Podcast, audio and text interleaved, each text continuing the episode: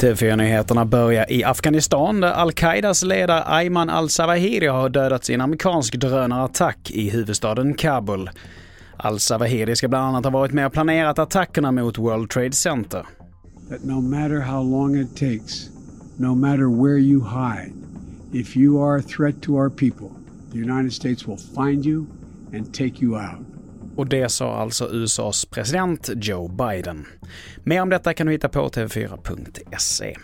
Vidare till att priserna på bostäder fortsätter att rasa i hela landet och när det gäller villor så var minskningen i juli den största på 14 år baserat på normala samband bostadspriser och räntor och prognosen för räntorna framöver så kan man absolut inte utesluta ett sammanlagt bostadsprisfall på omkring 20 procent skulle jag säga. Ja, men den främsta förklaringen är helt klart att bostadsräntorna ökat mycket kraftigt på kort tid och det största prisfallet på bostäder har vi sett efter att Riksbanken började höja eh, styrräntan.